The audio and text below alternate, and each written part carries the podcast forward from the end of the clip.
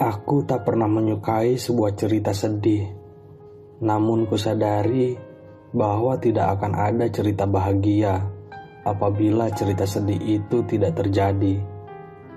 Dan barangkali dalam cerita ini juga,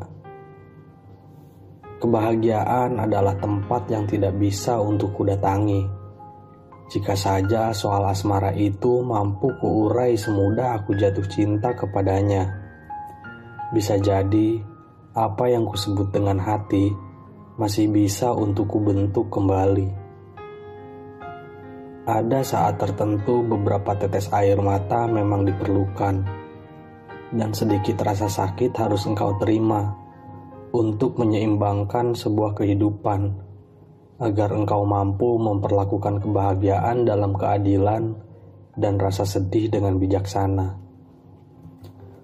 Kuharap engkau cepat tumbuh dewasa, supaya mengerti dengan apa yang sedang kubicarakan ini. Karena mungkin kau pun akan merasakannya.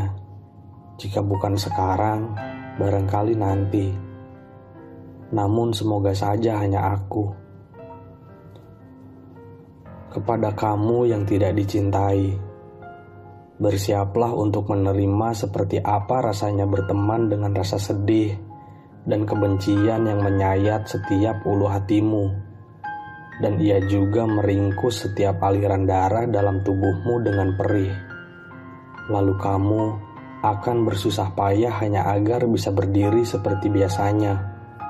Belajar untuk sedikit tersenyum, namun banyak menerima tatkala orang yang engkau cintai mendapatkan cintanya. Bukan cintamu, tapi cinta dari seseorang yang dia cintai. Di saat itulah kita harus belajar beranjak mendewasakan untuk mampu bertahan. Belajar terus bernafas tatkala perih meraup menyingkup degup jantungku. Belajar untuk tetap melanjutkan hidup tanpa ditemani dengan apa yang kusebut dengan kebahagiaan. Lalu dengan tubuh gemetar dan langkah tertatih, mencoba untuk terus bermimpi Meskipun pada dasarnya mimpi yang sebenarnya tak lagi mampu untuk kuingat.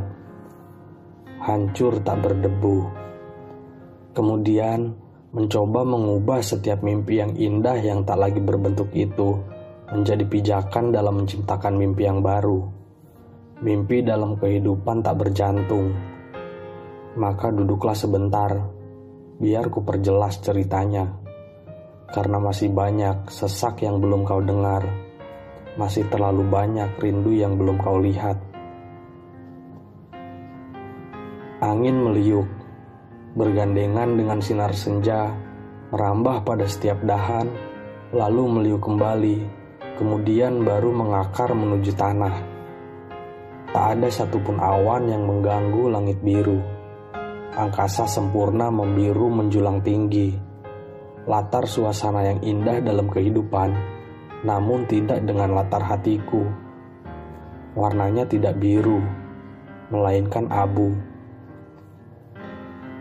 Kurapihkan kembali ke mejaku, lalu meraih buku bersampul coklat itu yang telah kusam termakan oleh waktu.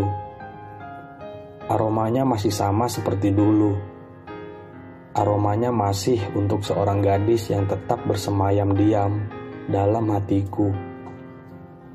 Kubaca kembali setiap abjad puisi-puisi yang sudah sejak 10 tahun lalu itu kutulis untuknya. Namun sayang, tak pernah ada satupun yang terbaca olehnya. Tak pernah ada sedikit pun rindu yang bersua dengan pemiliknya. Pagi yang elok adalah perjumpaan denganmu Tiada yang paling manis selain seutas senyummu. Wahai gadis yang berjilbab berantakan, bolehkah aku memiliki sepotong ruang di hatimu? Jakarta, 19 Oktober 2010 Kertas itu menguning, tintanya tak lagi setegas dulu. Namun, setiap detail dari kenangannya masih segar dalam ingatanku. Di hari itu, aku menulis puisi pertamaku untuknya. Ragu-ragu memandang wajahnya, lalu diam kikuk saat mata kami saling bertemu. Kemudian dengan cepat aku akan melangkah keluar dari ruang kelas, menyeiramakan degup jantungku yang sudah berlari mendahului aba-abaku, lalu tersenyum kembali saat mengingat wajahnya. Gadis itu berjilbab lebar, memiliki mata menawan, seperti menyimpan banyak kilauan. Tubuhnya tidak kurus, tidak juga gemuk, tidak kecil, dan tidak besar. Bagiku, dia selalu menempati angka yang tepat.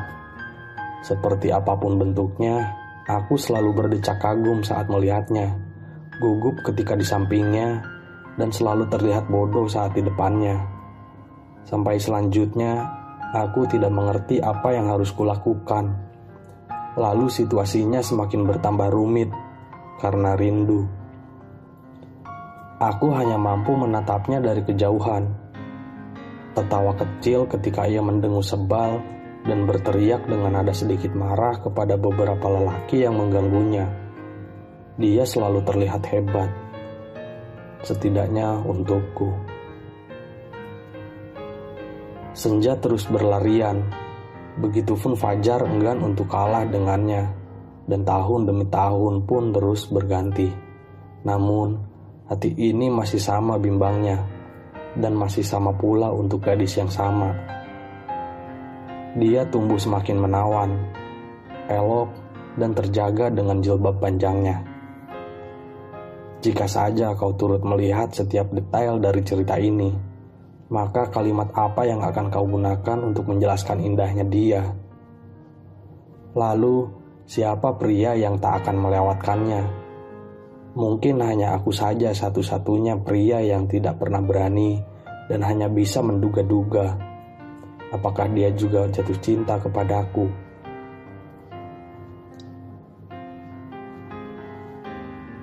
Semakin banyak pria yang mencoba untuk mendapatkan cintanya, namun dia tetap diam, bersikukuh dengan pendiriannya untuk tetap hanya berteman sampai laki-laki yang menyatakan cintanya itu juga berkata hal yang serupa di depan ayahnya. Mendengar pendiriannya, aku hanya bisa menelan getir, tersenyum kecut, dan menatap bodoh pada bayanganku sendiri. Lalu nanar sudah tak terlihat lagi impian hari-hariku bermesraan dengannya. Karena aku hanyalah seorang pengagumnya dalam diam.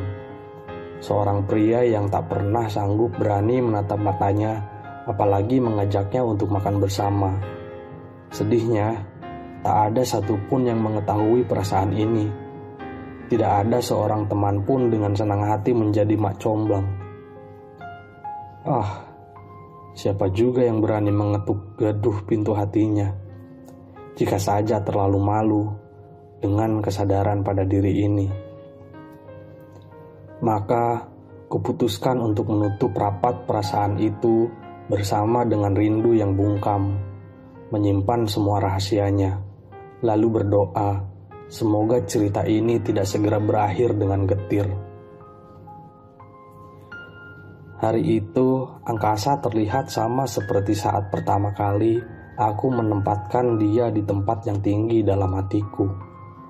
Biru, sepanjang mata memandang, dan cerah tak berawan. Anak-anak angin bersorak, dengan ramai mencoba memainkan kesegaran. Semua murid terlihat sibuk di hari kelulusan.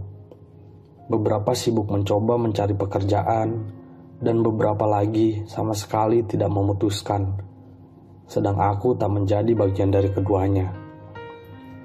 Aku duduk di bangku yang terletak di depan kelas, mengamati setiap sudut sekolah di detik-detik terakhirnya bermuka masam dengan pikiran berjalan keras, bimbang terhadap apa yang ku khawatirkan.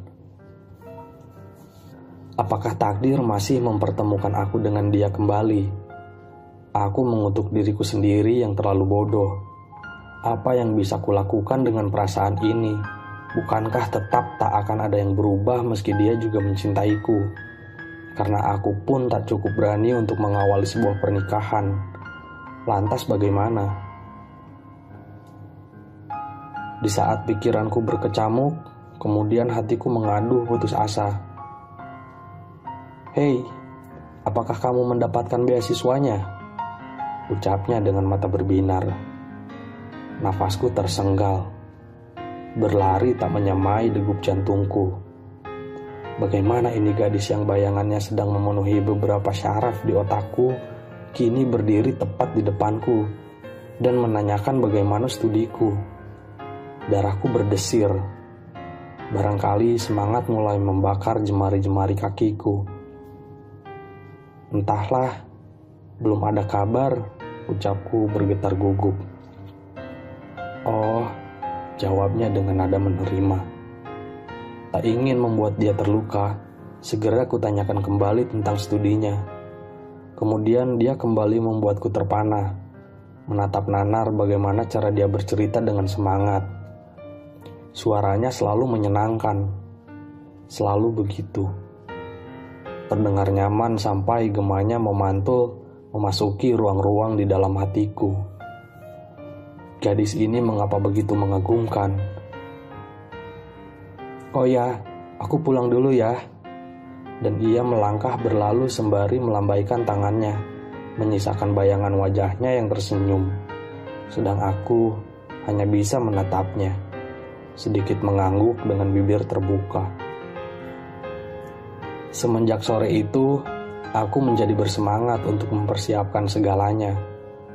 Lalu kuputuskan untuk menghabiskan 10 tahun terakhir dengan mengambil S1 Teknik Sipil dan melanjutkan belajar sambil bekerja di luar pulau mengumpulkan uang receh dari sekeping hingga dua keping untuk pembuktian cinta yang sebenar-benarnya, tanpa merasa curiga jika sebenarnya takdir melangkah tak bersamaku. Sampai tadi malam, langit menjelaskannya bahwa sebenarnya cinta tak serumit itu. Cinta tak bisa meminta waktu untuk menunggu, karena jika kau rindu kepadanya, engkau tidak bisa menunggu untuk tidak berlari ke arahnya. Malam itu tak ada kabut yang memenjarakan bintang, sehingga ia bisa menemani rembulan untuk menghiasi semesta. Dan di malam itulah langit sempurna membuatku tertunduk payah. Aku sedang duduk sambil membayangkan seperti apa dia sekarang. Apakah dia tumbuh dengan sehat dan makan dengan teratur? Lalu seseorang datang, berdiri di depan pintu dengan senyum sumringah. Ke mana saja kau selama ini? Ucapnya bersemangat. Aku mengenalnya seperti aku mengenal diriku sendiri. Seperti aku mengenal kota ini. Karena kami tumbuh bersama. Ia sedikit berbeda. Wajahnya bergaris, tegas, terlihat gagah dengan jambang. Aku hanya bermain kemarilah, gurauku. Lalu kamu saling bertukar cerita. Sesekali saling meledek lalu tertawa lagi sampai akhirnya hati yang baru saja hangat itu berubah menjadi kelam dan dingin. Oh iya Ray, datanglah besok bersamaku. Pagi buta kau harus sudah di rumahku. Sebagai sahabat, kau turut memeriahkan bukan? Ucapnya dengan nada menggembirakan. Baiklah, baiklah, balasku. Siapa gadis yang mau menikah denganmu? Ucapku sambil tertawa menggoda. Kau pasti mengenalnya, Ray, sahutnya. Kubuka undangan yang berwarna coklat dengan tali simpul merah muda itu. Hatiku berdegup. Benarkah? Ku coba mengeja kembali nama wanita yang bersanding dengan namanya sedikit gemetar untuk mengeja namanya lagi. Mencoba meyakinkan hatiku lagi. Benarkah dia?